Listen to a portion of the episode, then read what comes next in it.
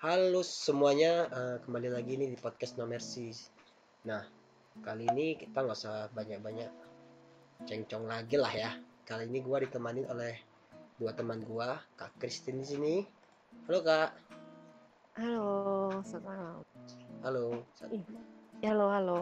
Ya, uh, satu lagi nih ada teman gue juga nih, Om Ter. Halo Om Ter. Yo, halo Per. Yo. Gimana kabar Per? Sehat, sehat. Nah, kita langsung aja nih ke topik yang sebenarnya lagi mau kita bahas masalah uh, pembelajaran daring. Uh, secara spesifiknya sih, ini kita nggak mengambil disclaimer bahwa semua tempat, semua daerah sama, tapi uh, untuk sebagai informan kita di sini adalah Kak Christine. Informasi ini didapat dari pengalaman pribadi yang bareng Kak Kristen sendiri berada di kota Surabaya. Nah, kita tahu dalam beberapa bulan terakhir uh, pemerintah kita mengambil langkah untuk menangan, menekan penyebaran COVID di wilayah persekolahan dan kampus itu dengan melakukan pembelajaran daring. Mungkin dari teman-teman masih banyak ya yang masih nggak terbiasa dengan apa itu daring terutama di wilayah-wilayah yang uh, mungkin masih daerah zona hijau yang mungkin pembelajaran dari sendiri nggak efektif bahkan nggak tahu maknanya sebenarnya apa. Bisa kalian cari kampung gue pak. kampung gue pak. Wah gimana mau sambung gimana nih? Kampung gue pak. Wah kenapa? Kamu tahu itu dari. Absurd. Oke. Okay. nah uh, di sini kita mau membahas beberapa hal yang udah gua catat nih sebagai kope-kopean gua lah ya kan. Oke, okay, masalah sistem uh, daring yang dijalankan sampai sekarang lah. Uh, di sini gua mau nanya beberapa hal masalah sistem yang kita tuh tahu bahwa sistem daring sekarang beberapa hal itu berupa uh, pembiaya berat di pembiayaan, uh, yep.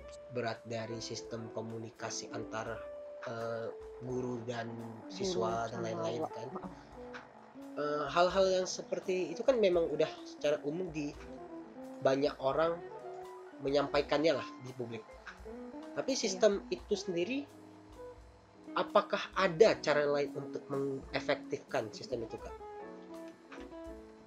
Kalau di uh, ini ya kalau kalau di sekolah anak anakku di sendiri mm-hmm. itu sih uh, ini sih ya kan setiap pagi itu tetap sama kayak sekolah kayak gitu ya daring via mm-hmm. kayak Google Meet atau Zoom kayak gitu cuman kan kalau ya kalau pas orang tuanya nggak kerja gitu ya kalau mm-hmm. yang orang tuanya kerja itu yang kasihan terus kadang orang tua itu kan kalau udah pulang kerja udah meskipun diulang lagi kayak misalkan ada tugas-tugas uh, ada tugas-tugas terus kan pasti sama gurunya diulang lagi di grup WhatsApp. Iya, betul betul. Nah, itu tetap kadang kalau orang tua yang yang kerja gitu kan palingan dia scrollnya nggak sampai atas dan itu nggak sekali dua kali ada beberapa siswa yang kelewatan kayak kalau pas ada tugas-tugas kayak gitu. Oh, Jadi, berarti lebih kayak, banyak uh -uh miss missnya gitu ya jadi missnya itu iya, bukan iya, masalah nggak iya. tersampaikan tapi tidak cukup cepat untuk menangkap tidak, informasinya ya wow betul maaf sih Dan, di luar bayangan uh, gua sih iya uh, uh, benar dan aku sendiri sih kan emang aku dari anak aku kan sekarang kelas 2 ya. Uh-huh. dan emang dari kelas 1 itu kayak semenjak awal awal dimulainya daring itu aku selalu jadi kayak apa ya uh, jembatan dari guru ke para, para wali murid kayak gitu jadi Wah. ngerti kan mana-mana yang wali murid yang yang enggak yang ya, ya, ya. dia gua, biasanya gua ngerti, kerja dan enggak, ya, ini ya.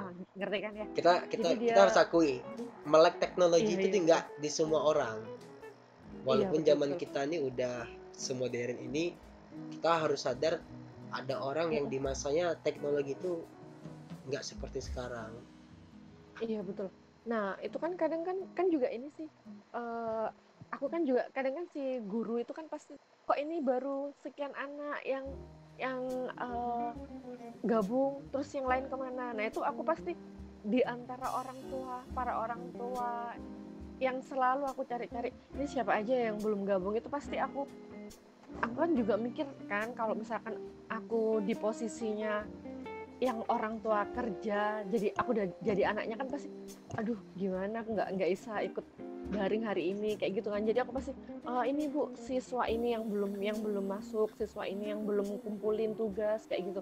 Kan selalu report itu selalu setiap hari ada di grup WA itu. Mhm. jadi pasti eh, kayak misalkan nih ada siswanya 20 anak gitu ya baru ada 18 anak yang absen hadir. Nah itu gurunya kan kadang ini siapa ya yang dua? Kok belum eh, kok masih kurang dua?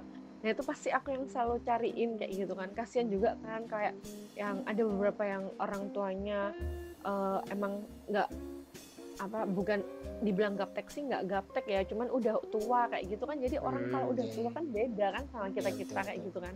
Jadi udah aduh pusing gitu kan. Jadi aku pasti kadang aku yang telepon ini ibu ini eh, ada tugas kayak gini. Terus kadang orang yang biasa aku hubungin kayak gitu akhirnya mereka nanyanya pasti ke aku gitu. Kayak gitu sih. Wah, jadi banyak yang sering banyak yang miss karena ya itu eh, pertama banyak yang orang tua kerja nggak bisa ngedampingin anaknya Mhm. dari awal sampai selesai daring kayak gitu kan. Ya betul. Karena kan kebetulan kalau di sekolah anakku tuh daringnya emang eh, ya sama kayak pelajaran biasa cuman emang dipersingkat waktunya. Karena kan kalau kelamaan lihat layar eh, HP atau laptop kan kasihan juga anak-anak kayak gitu. Mhm. jadi cuman eh, dua jam kayak gitu daringnya terus nanti baru dikasih tugas-tugas gitu. Jadi tetap ada tatap muka sih sama guru sama murid-murid lainnya. Oh. cuman beda lewat zoom atau eh, Google Meet gitu aja. Jujur, sejujurnya kak ya. Gue beranggapannya tuh malah gue kira gini sistemnya lebih simple. Gimana? Gue gue memperkirakan awalnya di awal ketika masa pandemi di awal mungkin makin zoom tapi makin ke sini menurut gue nggak efektif makin menggunakan tatap muka ke zoom ataupun platform lainnya ya. Malah gue mengiranya mungkin guru hanya memberikan video video Iya, pembelajaran tutorial gitu kan tapi ya. nggak di grup. Dari dari suatu link misalnya Google Drive atau uh, website website yang bisa lah mendukung baik YouTube atau gimana pun. Jadi dan nggak ada kayak kalau di grup gini gue melihatnya uh, kecenderungan kita kalau kita punya grup WhatsApp kita membalas apa pun yang ada di grup WhatsApp. Iya. Sehingga sering sekali informasi-informasi penting itu chatnya ketumpuk tertim kayak gitu eh, kan ya? ter- tertimbun dengan chat-chat balasannya. ah. sama chat yang balasan ah, ah. malah gue mengira mungkin cara itu nggak dipakai. Karena nggak mungkin dong masa orang-orang yang sudah biasa pakai WhatsApp nggak nggak paham kultur secara nggak Iya, langsung gitu gitu. Loh. malah gue kira mungkin ini gurunya kan punya nomor orang tua. Nomor Ah. japri ah, ah, pribadi gitu ya? Nomor pribadi yang punya WhatsAppnya kan. Mungkin dari situ Iya. dikirim eh, video pembelajaran. Gue kira gitu pertama. Rupanya nggak Nah, kayak gitu kalau- gua. Enggak, kalau di sini emang sih kalau aku lihat sih ada. Jadi kan aku bandingin sama sekolah yang terdekat sama tempat anakku nih ya. Mhm, Jadi kan kebetulan aku bandingin itu eh, maaf nih ya kan anakku kan sekolahnya di sekolah swasta. mhm. Terus yang deket lagi itu kan sekolah negeri. Ya. Itu memang beda. Kalau yang di sekolah negeri itu eh, setahu aku cuman kayak dikasih tugas terus ada link Ah, eh, lewat G-form kayak gitu terus untuk laporan tugasnya itu kayak misalkan si anak lagi ngerjain terus hasil kerjaan si anak itu dikirim japri ke gurunya kayak gitu. Itu kalau yang sekolah satunya tuh. Tapi kalau di tempat anakku tetap daring tatap muka nanti eh, dikasih tugas juga ada link juga. Karena kan emang biasanya kalau pas eh, offline nggak daring sebelum masa pandemik mhm. itu sekolahnya sampai jam 2 tuh kelas 1 kelas 2 kelas jadinya 2 iya kelas 2 sampai jam 2 siang iya betul What? mungkin sama iya iya mungkin ada sistem mereka Eh, sendiri yang lebih mer- mereka iya, lebih efisien heeh. mungkin iya betul heeh. Mungkin jadinya gini gini, Iya. gue sedikit ambil timbal nih ya. Eh, kalau menurut gue sendiri eh, untuk pembelajaran daring atau sekolah yang masa kini di kala pandemi ini effort orang tua itu kayaknya bakal jadi nomor satu. Terlebih gue nggak cuma ngomongin masalah orang tua yang har- yang turut eh, ikut membimbing anak ya tapi orang tua yang juga harus mengerti teknologi informasi. Mungkin eh, next time ya kalau ada guru-guru yang denger nih mungkin gue bakal share ini ke wali murid eh wali kelas adik gue ya adik Wali gue kelas. masih, masih kelas SMA kelas 2 kan. Eh, sebenarnya cara pembelajaran yang bagus kalau ka- eh, posisi daring kayak begini gak cuma di form Google Meet atau Zoom ya Eh, mungkin sedikit Iya. promosi nih bisa juga kita bikin Discord kayak begini tinggal apa eh, kita taruh kelas-kelasnya kan sebenarnya efisien Nah, kan masalahnya tuh. orang tua buat belajar kayak begitu itu belum eh, belum nyampe Nah. gue bakal bilang eh, orang tua itu sebenarnya 80% belum ikut andil dalam proses belajar mengajar anaknya juga. Jadi tanggung jawab mereka tuh sebenarnya ra- rata-rata kalau gue bilang eh, sebagian kecil sih yang ikut serta dalam proses pembelajaran anaknya. Jadi eh, ke depannya mungkin orang tua sendiri di kala pandemi ini harusnya harus lebih bisa memantau anak juga sih. Nggak semua orang tua kerja kok gue tahu.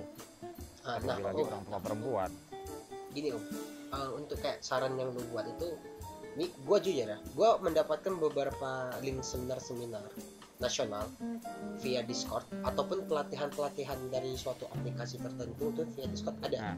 live stream Uh, tapi menurut gue itu bisa dilakukan untuk gak semua usia dari anak kelas 1 SD sampai tamat yang bisa mungkin menurut cara-cara kayak Discord sih platform media ya berbagai platform media baik Discord di Facebook bisa setahu gua beberapa platform yang bisa menyediakan Eh, itu bisa memang. Tapi nggak semua ini loh masa anak kelas 1 SD kita paksa main Discord sampai harus paham? Iya. Oh, overall sebenarnya nggak per cuman zamannya kayaknya udah tuntutan banget kalau eh, anak-anak zaman sekarang ini harus bisa belajar lebih cepat daripada yang zaman-zaman dahulu kala.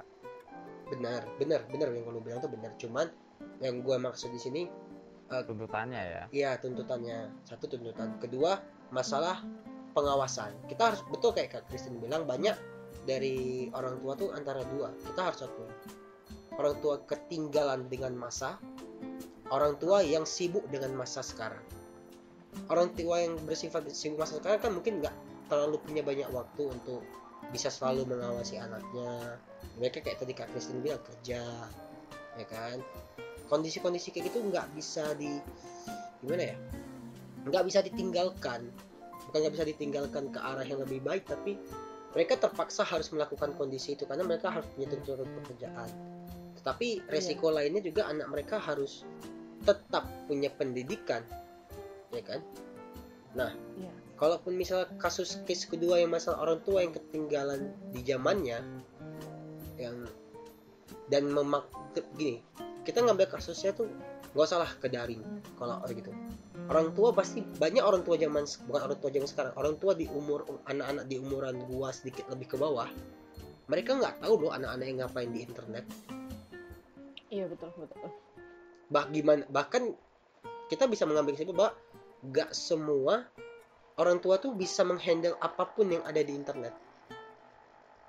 Yes that's true. Mungkin ini kalau dari sistem mungkin uh, harus memang banyak evaluasi lah. Gua sendiri sebagai pengguna internet dalam kurun waktu mungkin udah 10 tahun terakhir bahkan nggak bisa loh ngambil gimana memperbaiki sistem ini. Selain dari harus dapat sistem yang bersifat murah mudah terjangkau ya selain itu itu masih bisa dicapai. Tapi kalau sistem yang harus ada pengawasan segala macam segala macam nih sulit sejujurnya sulit sejujurnya. Nggak nggak bakal bisa per tetap Betul. aja glory for eh sensor per Eh, Sensor. Anda, hey, mulut san Ada. Anda. Aduh, sensor oke. mungkin eh, se- sebelum OOT per kita balik lagi ke Oke, oke, oke. daripada ntar nyambung ke Ah, Anda sini, uh, Anda nyambung nyambung lagi. Hmm, kita lanjut lanjut. Nah, di sini gue apa mau menggarisbawahi beberapa hal kayak gini. Itu juga termasuk dari sistem. Ini bagian dari sistem yaitu konsumsi internet. Iya. Nah, konsumsi internet untuk kakak sendiri lah. Gimana? Berapa banyak lah kota yang dibutuhkan lah? kote Hmm. kalau aku sih kebetulan kan eh, emang ada ada HP sendiri buat anakku daring ya cuman Hmm. aku nggak nggak kasih ini nggak kasih kuota nggak kasih paketan jadi nanti eh, pakai tethering pakai handphoneku gitu jadi kalau misalkan aku tinggal keluar kan dia nggak bisa main internet lagi tuh Iya, cuman betul. bisa pas waktu belajar aja kayak Mhm. gitu jadi ya paling eh, yang aku isi punya aku sendiri dan aku biasanya sih pakai yang satu bulan 80.000 ribu gitu aja Itu itu berapa Saya kan berapa kadang- gigabyte? aku pakai yang smart friend unlimited itu Oh, tapi Waduh, promo, satu promo. hari oh, udah tidak apa-apa. Eh, iya Demi kebaikan bersama. Ya. jadi Ya kali-kali bulan kan depan kita di endorse cuman- smartphone Far. ah, Ya. jadi itu eh, itu kan 28 hari tuh Mhm. unlimited. Tapi satu hari maksimal satu giga. Kalau sudah lewat satu giga bisa sih. Cuman dia eh, lemot gitu. Oh, udah muter-muter muter-muter gitu. Cuman kan kalau daring kan pagi tuh. Jadi Hmm. masih strong strongnya kan. Eh, jadi pakai pakai itu. Berarti soalnya emang untuk satu emang giga nggak aku satu kasih paketan sendiri. Heeh. Nah. soalnya gini kita menyimpulkan gini gua masih berpikir karena kita gua nih eh, mau promo mau nggak gua harus bilang ini kebanyakan masih promo internet ya promo internet ya secara umum kita Iya. gua nggak pakai eh, promo kartu sim tapi Iya. kita pakai wifi wifi itu dari kayak IndiHome itu rata-rata kecepatan internet Indonesia kan masih 10 Mbps sekian sampai 10 100 Mbps, ya. Yang paling kecil Iya. masih 10 Mbps. Heeh. dengan jumlah sekecil itu kita harus akui kecepatan internet Indonesia tuh masih jauh kalah dari berbagai negara di luar sana. Bahkan tetangga kita Iya, sekalipun. Eh, pembelajaran seperti penggunaan konsumsi kayak gitu gue yakinnya pasti nggak besar. Masa nggak besar di sini? Nggak efektif. Jadi seharus menurut gue ya akan ada masanya pembelajaran tuh diganti jadi pembelajaran live, live stream. Kita bisa lihat tuh banyak orang live stream sekarang baik di platform kayak YouTube dan Facebook dan beberapa platform lainnya termasuk Twitch. Bahkan Discord sekalipun live stream. Dengan itu penggunaan itu akan lebih besar. Nah masalahnya sekarang bisa nggak Indonesia memiliki kondisi ideal internet murah dan cepat tanpa ada batasan limit Itu yang kan masalah. se- sekarang belum ada kan sebenarnya kita kayak men- benar menyinggung-nyinggung aja ya kan yes ya betul. semoga Kak, kita tak kita akan tahu memang kak pada di masa beberapa tahun ke depan kita ya beberapa dari pengguna internet ini yakin Indonesia setidaknya bisa mencapai kecepatan paling kecil pakai data itu kecepatannya 100 Mbps sampai 1 Iya. giga kami yakin memang yang guna-guna internet ini yakin yakin aja lah. Cuman eh, kalau bisa lebih cepat di eval apa diperbaiki sistem kayak gitu kan memudahkan ya sebenarnya. Karena semakin Iya. cepat sebenarnya semakin murah. Menurut kami- nggak tahu juga nih apakah semakin cepat semakin mahal tapi kayaknya semakin cepat semakin murah. Toh internet dulu dan sekarang murahan sekarang kan dan sekarang lebih cepat. Murah kan. Kalau semakin gitu udah murah cepat harapannya sistemnya itu bisa menampung guru-guru yang mampu mengajar secara live stream misal live stream dia punya setidaknya kan kita kan tahu lah orang-orang pakai TikTok aja sekarang bisa di mana-mana Bisa. gimana lagi mau ngajar di rumah kalau di rumah model ada papan tulis kecil aja mungkin sudah bisa ngajar menurut gua sih gitu Far, far, far. Hmm. kalau ini sih Eh, sedikit OOT nih ya. Mungkin bisa nggak sih eh, kalau kemungkinan si guru ini upahnya diturunin, ntar dinaikin ke Twitch, nah terus berharap mu- murid-muridnya donasi gitu kali ya? ah anda minta saweria oh tidak Gimana? Nggak tuh?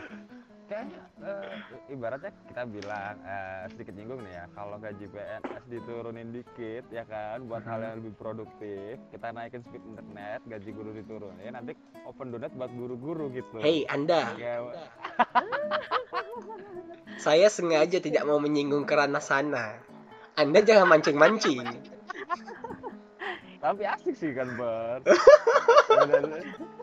nggak kebayang aja sih mungkin sedikit eh, kalau kita bilang ekstrim game aja yang nggak ada faedahnya ya kan nggak ada nulis sama sekali kita cuma buat seneng-seneng atau have fun buat ngegaca gitu-gitu aja mereka open donasinya gede-gedean. Lah masa iya ini buat pendidikan loh?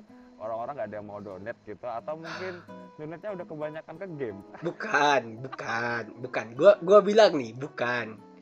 tapi kami miskin. Ya Jangan gitu dong. Oke, lanjut back to topic. Sih? Kita tuh harapan kita lah untuk untuk meningkatkan efektivitas pada sistem lah. Tapi kita kalau kita bahas efekti- efektivitasnya, apakah sistem sekarang itu udah efektif? Pasti tidak ah. Kita harus. Gak- Kok gue nanya sih bodoh banget sih. Ya pasti nggak efektif dong. Ya pasti nggak efektif Hmm. Maksudnya ada nggak dari kita kita nih lah ya bertiga ini cara-cara masukan mungkin.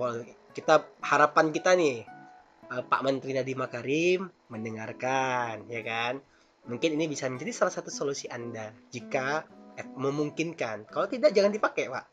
Kami harapnya seperti itu. Nah mungkin ada nggak masukan-masukan lah untuk meningkatkan efektivitas ini? Mungkin dari eh, Om Ter lah dulu Om Ter sekali-sekali. Om gimana Om? Mungkin ada lu, lu gue yakin lu ada nih Pasti Nggak, ada nggak, tuh nggak, banyak nggak tuh. banyak sih per gue banyak pasarannya kalau sekarang per Oh, gimana? ya bukan pesimis cuman apa ya yang gue harap sih mungkin platform gue nggak jauh-jauh dari kita manfaatin teknologi informasi sih pasti yang utama itu kalau kita bikin video gitu-gitu doang itu nggak mungkin tapi yang jelas kalau live stream open do eh, mungkin satu salah satu guyonan gue tadi itu bakal pembelajaran lagi. Nah, itu tetap masuk. Ta- tapi, nah, tapi sebelumnya nih, eh kalau menurut gue itu kita benahin dulu lah. Dari sisi orang tua. Eh, soalnya gue yakin wali murid itu pegang andil 80% daripada kemajuan anak-anaknya ketimbang gurunya sendiri. Mhm. Gue nyadarin pas adek gue sendiri, nggak gue bimbing, nggak gue pantau, itu pelajarannya waduh. Tapi kalau begitu gue pantau kan setidaknya itu ada yang menggiring dia. Lu bayangin aja per kalau misalnya ada lu selaku wali murid terus nggak ngurusin anak-anaknya, mau jadi apaan anak lu? Eh, Tiba-tiba om, nggak sekolah. om, om, awas lo ya, jangan sampai ke sana-sana ya. Enggak, mungkin ini eh, sedikit gue dapat spion-spion dari samping-samping lah per. Jadi ada beberapa oknum, eh gue bilang oknum apa temen ya? Oknum Eh, lah, woi. Oknum, oknum aja ya. Oke lah, gue bilang oknum. Ada, eh gue sedikit contoh aja soalnya tanggung jawab orang tua yang dilepaskan itu hasilnya ke anak bakal fatal banget. Dan eh, nggak juga oknum itu, tapi gue sendiri sih, gue juga ngalamin. Ketika gue bener-bener dilepas atau mungkin ada gue bener-bener dilepas itu rasanya awal itu eh, bukan hanya dari segi akademik tapi minder. Karena nggak ada yang ngeperhatiin itu pasti. Apalagi dilepas pas-pas udah udah dapatnya eh, si anak itu nggak dibimbing nggak dibiayain mati udah Inilah eh, dilema. jadi awal mungkin eh, nggak kalau gue ya Mhm. yang gue tekanin pertama mungkin nggak langsung ke end user anak tapi kita juga ngedukasi wali murid selaku misalnya eh, dari dinas pendidikan ya itu ngedukasi wali murid bagaimana sih ngasih pembelajaran anak setelah after school Nah. gue secara ka- kalau gue bilang gue orang marketing gue bilang eh, after sale selalu ada maintain. Anak udah dapat sale ya kan? Kita Mhm. bilang "Eh, ini anak udah mau join ini nih di sekolah kita nih. Nah tapi maintain dari gurunya apa? Maintain dari apa eh, wali muridnya apa itu mungkin harus ditekankan makanya kadang eh, keterlibatan orang tua dalam versi pembelajaran itu masih 50-50 sama gurunya nggak cuma guru kok yang dia- ditakutin sama murid pasti orang tua kalau nggak ngasih uang jajan lebih nyeremin daripada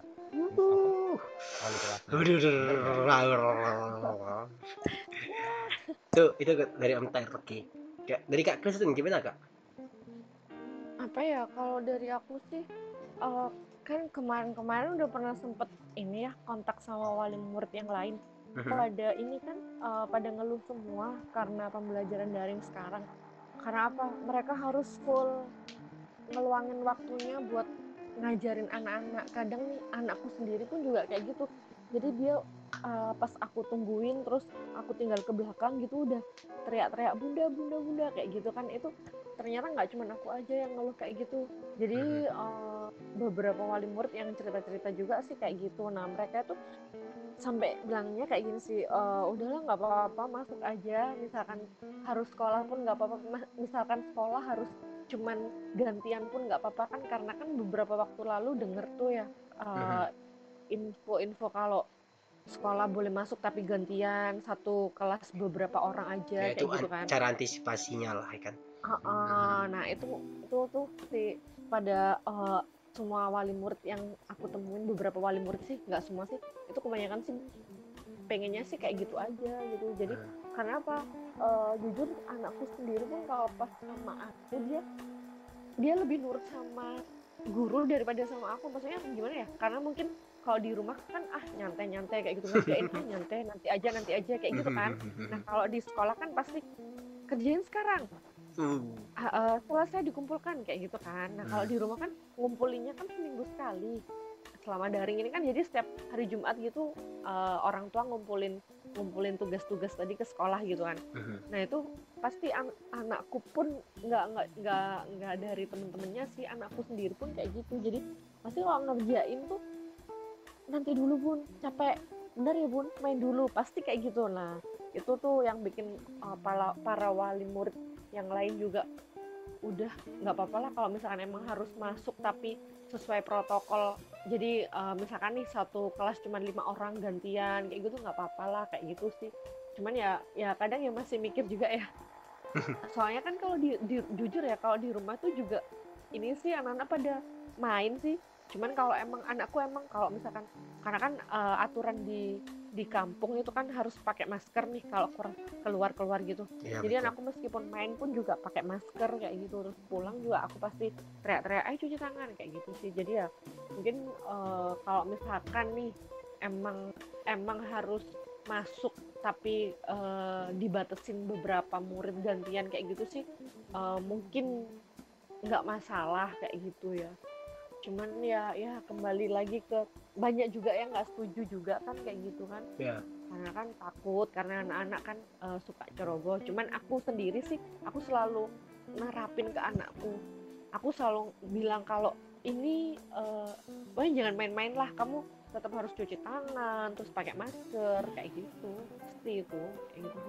Jadi Nah. ya da- balik ke kita sebagai orang tua juga kan kita harus eh, edukasi ke anak-anak juga kayak gitu Ya, karena kan ya kita harus tahu juga. Bahkan jangankan anak kecil, orang dewasa saja nggak bisa kita bilang COVID itu ada loh. Heeh, COVID itu ada loh. Kita nggak bisa meng bilang ini ada sampai kita harus tunjukin bentuk COVID itu gimana. Bahkan karena kan mereka virus kecil, iya ukurannya hanya sebuah RNA dan iya heeh. gitu-gitulah hal-hal secara sistem ya. Ini kalau dari gue sendiri sih sejujurnya gue memang egois terdengar egois untuk sebuah apa pendalam bukan pendalaman kemajuan sistem ke depannya.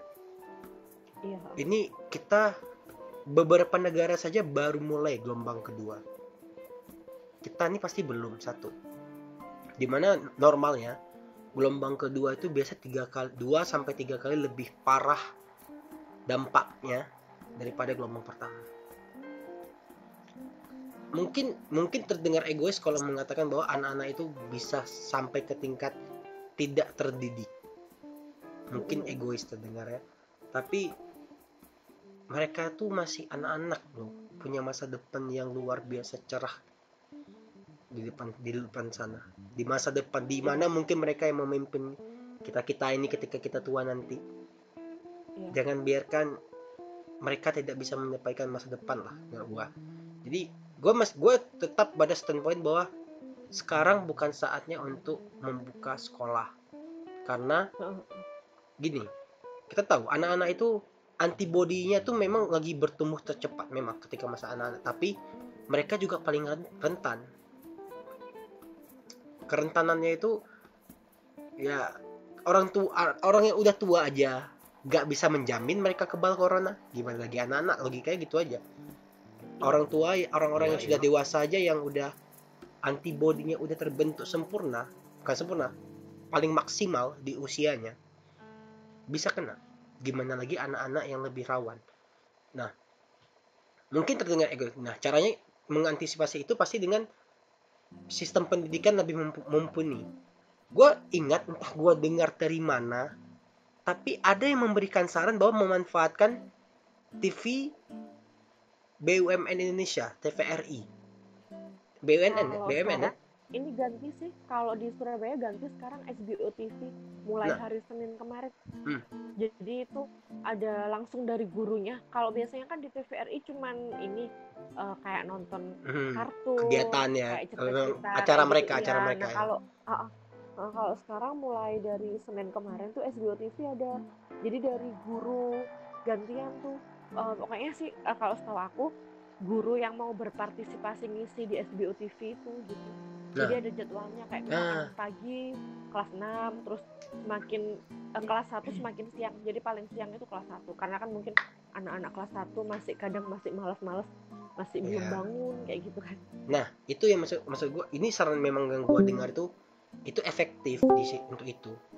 Cuman, cuman nih ya kak ya, aku Hmm. ngomong lagi ya, kalau aku lihat dari kemarin sih TV itu, itu kan karena eh, mungkin ya, mungkin karena kan gurunya dari berbagai macam eh, SD ya, Mhm.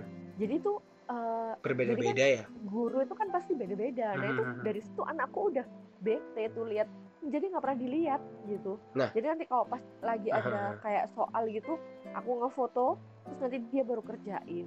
Jadi ah iya bun ngerjain gini aja. Jadi kayak gitu gitu. Jadi kayak misalkan kalau gurunya asik, baru dia bisa bisa ngikutin itu, Ya, menyesuaikan mau kan. ngikutin itu. heeh. nah cuman kalau misalkan kayak gurunya yang apa ya yang dia kok ini gurunya kok kayak gini ya nggak enak kayak gitu dia udah aduh kok nggak selesai selesai sih udah bete gitu loh kayak Mhm. gitu sih Ya, Jadi anak, ya, anak iya, kecil lah kita kan kita kita tahu ah, juga anak betul, kecil betul. gimana.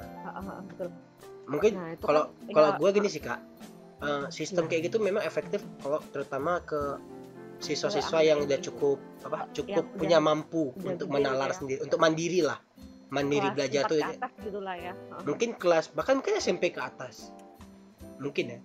Nah, iya yang di bawah-bawah ini mungkin masih ini, ini loh. Masih seharusnya bisa gini pemerintah aja bisa menggelontorkan dana untuk bekerja sama-sama beberapa media media iya Hmm. betul. Kenapa enggak hmm, kenapa tidak untuk pendidikan? Ah. ya kan? Jadi misalnya guru memang saking kerepotannya kita kan punya kurikulum ya punya standar kan untuk pendidikan terutama di jenjang SD yang pasti rata-rata sama karena belum ada kejurusan. Seharusnya bisa iya. dong untuk disamaratakan seluruh Indonesia. Seharusnya bisa dong logikanya ya seharusnya bisa. Guru membantu dalam evaluasi nah tinggal guru membantu oh ini ingatin jam segini ada kelas di TV ini misalnya di jam Iya, segini kalau kalau di kalau di sekolah anakku pasti kayak gitu karena kan sebelum nonton TV itu tadi itu pasti daring dulu kan tatap muka dulu. Nah, itu Hmm. gurunya jelasin tuh kayak buku halaman ini itu kayak gini caranya. Nah, itu nanti baru eh, nanti dikerjakan ya kayak gitu. Jadi kayak lebih ke ngasih penjelasan-penjelasannya kayak gitu. Kan karena kan emang anak-anak udah udah ini udah ngebet banget tuh. Aduh aku kangen sekolah kangen teman-teman meskipun ya, anak betul, kelas 2 udah pikirannya kayak gitu loh. Jadi kayak gitu. Jadi ya itu tadi eh, sih dikasih tahu sama gurunya. Cuman kan ya itu kadang kan ya emang pemikiran anak kan beda-beda ya. Iya. kalau ngelihat kok ini bukan guruku? Ah nggak asik. Kadang kan kayak gitu suka kayak gitu. Ya soalnya anak. kita juga harus tahu bahwa jenjang SD ini jenjang pembentukan apa ya kalau gue susah sih mau menyampaikan dalam bahasa apa tapi rentan usia yang paling gampang untuk mengembangkan karakter anak. Jadi di, di rentang inilah membuat anak-anak itu supaya minat belajar. Jadi kalau gurunya dia nggak suka, bisa jadi dia nggak suka belajar. Iya. Takutnya kayak gitu. iya benar-benar Nah ini inilah gitu sih kesulitannya mungkin kalau jenjang kayak SMP ke atas yang memang bisa memfokuskan untuk membagi antara jam belajar dan menurut gue ya dikasih jam belajar kecil sisanya praktek. Gitu-gitu ini aja. Untuk SMP ke atas tuh bisa pasti tinggal buat laporan sana sini dia terbiasa untuk iya. kritis dan segala macamnya untuk critical thinkingnya tuh lebih aktif kan. Tapi untuk anak SD harus harus ada terobosan memang. Baik dalam iya. mungkin ya standar misalnya dalam penyiaran materi misalnya cari cara misalnya gurunya itu mau berpakaian yang badut bisa mungkin men- yang bisa menarik perhatian anak mana tahu. Kita nggak tahu kak mungkin itu efektif. Kita jika kalau kalau misalkan hmm. nggak nggak hmm. kalau hmm, menurutku sih ya kalau aku dari anakku pengalaman dari anak meskipun nggak nggak dari penampilannya pun kalau misalkan si guru itu penyampaiannya asik enjoy kayak gitu itu pasti dia suka nah itu sekarang masalahnya kalau misalnya masih menerima relawan-relawan sejujurnya kita bukan menolak relawan memang. Tapi standar yang diharapkan itu takutnya tidak tersampaikan. Nah harus Iya. harus dapatkan menurut gua ya standar itu dulu didapatkan baru timpal dengan eh, apa materi yang lebih kreatif untuk mengembangkan bahwa wah makin seru nih belajar. Gua nggak sabar lu belajar berikutnya. walaupun dia tidak bersama teman-temannya setidaknya dia bisa mengalihkan dunianya itu ke dunia belajar. Iya. Ya gue sih memang nggak punya gambaran ya harus dengan sistem seperti apa tapi banyak negara-negara di luar sana yang sistem belajarnya itu bukan belajar tapi bagaimana untuk berwawasan. Jadi mm, anak-anaknya itu cuman nggak diajarin oh satu kali ini berapa ini kali ini berapa. Nggak cuman itu tapi bukan hafalan bukan hafalan. Ya banyak banyak sekolah-sekolah di luar sana kayak gitu. kita kita berpikir secara analisa. Jadi eh, sejak anak SD sudah dipupuk eh, bukan lagi hasil tapi proses. Bagaimana cara mereka menikmati proses sehingga dari proses tersebut si anak-anak SD bakal nemuin proses-proses yang baru buat nemuin hasil yang baru juga karena sebenarnya kayak satu tambah satu sendiri kan kita bilang belum tentu dua. Ibaratnya gitu lah nanti panjang kalau kalau kalau gue tulis itu panjang nanti. Itu ada Betul, di di betul. script gue itu. Ya itulah. Maksudnya mungkin ya kalau gua pribadi memang nggak bisa memberikan jawaban langsung lah untuk perubahan sistem ke depannya harus seperti apa. Tapi harapan yang paling besar itu bukan membuat siswa tuh belajar itu hanya hafalan menghafal apa yang guru jelaskan tapi lebih berbuat mereka mungkin mungkin akan ada masa yang akan seperti terbebani ke orang tua karena masa pandemi orang tua lebih banyak kan bertatap muka dengan anak-anak kita. Tapi hal sem- hal itu setidaknya akan baik untuk ke depannya. Ataupun cari cara supaya orang tua sama-sama enak guru sama-sama enak siswa sama-sama enak diciptakanlah suatu sistem yang lebih kompleks mungkin terdengar ribet tapi kita bisa berharap supaya anak-anak juga jadi jangan kebingungan. Semoga sajalah ke depannya lebih baik iya ya. iya. semoga. Amin, semoga. amin. amin amin amin. Oke mungkin ah cukup panjang nih diskusi kita. Mungkin ada masukan nih dari kakak-kakak dan om-om sekalian. Om om om. Om mungkin dari kakak Kristen apa ya? Mhm. Eh, ini masukannya buat apaan nih? Apa? Aja lah mungkin untuk orang tua mungkin untuk pemerintah atau gimana lah serah lah. Ah, apaan ya? Kalau kalau buat orang tua sih ya eh, ya inilah saatnya kita merasakan gimana jadi guru kayak gitu ya. Jadi gak jadi guru tuh nggak gampang nggak gampang yang kayak sekarang kan banyak nih kalau misalkan nih eh, misalkan anak di dimarahin sama guru dikit-dikit terus ada banyak orang eh, ada orang tua yang kayak dateng lah langsung marah-marah gurunya dimarah-marahin kayak gitu ya. Ya Nah, kalau sekarang kayak gini nih baru ngerasain kan aku sendiri pun juga ngerasain ya ampun aku ngatur anak satu aja kayak gini loh. Apalagi yang satu seorang guru ngatur banyak anak di kelas dalam satu kelas itu wah luar biasa kan. Jadi ya ya, ya apa ya buat orang tua ya kalau bisa sih jangan inilah eh, bersabar ya, lah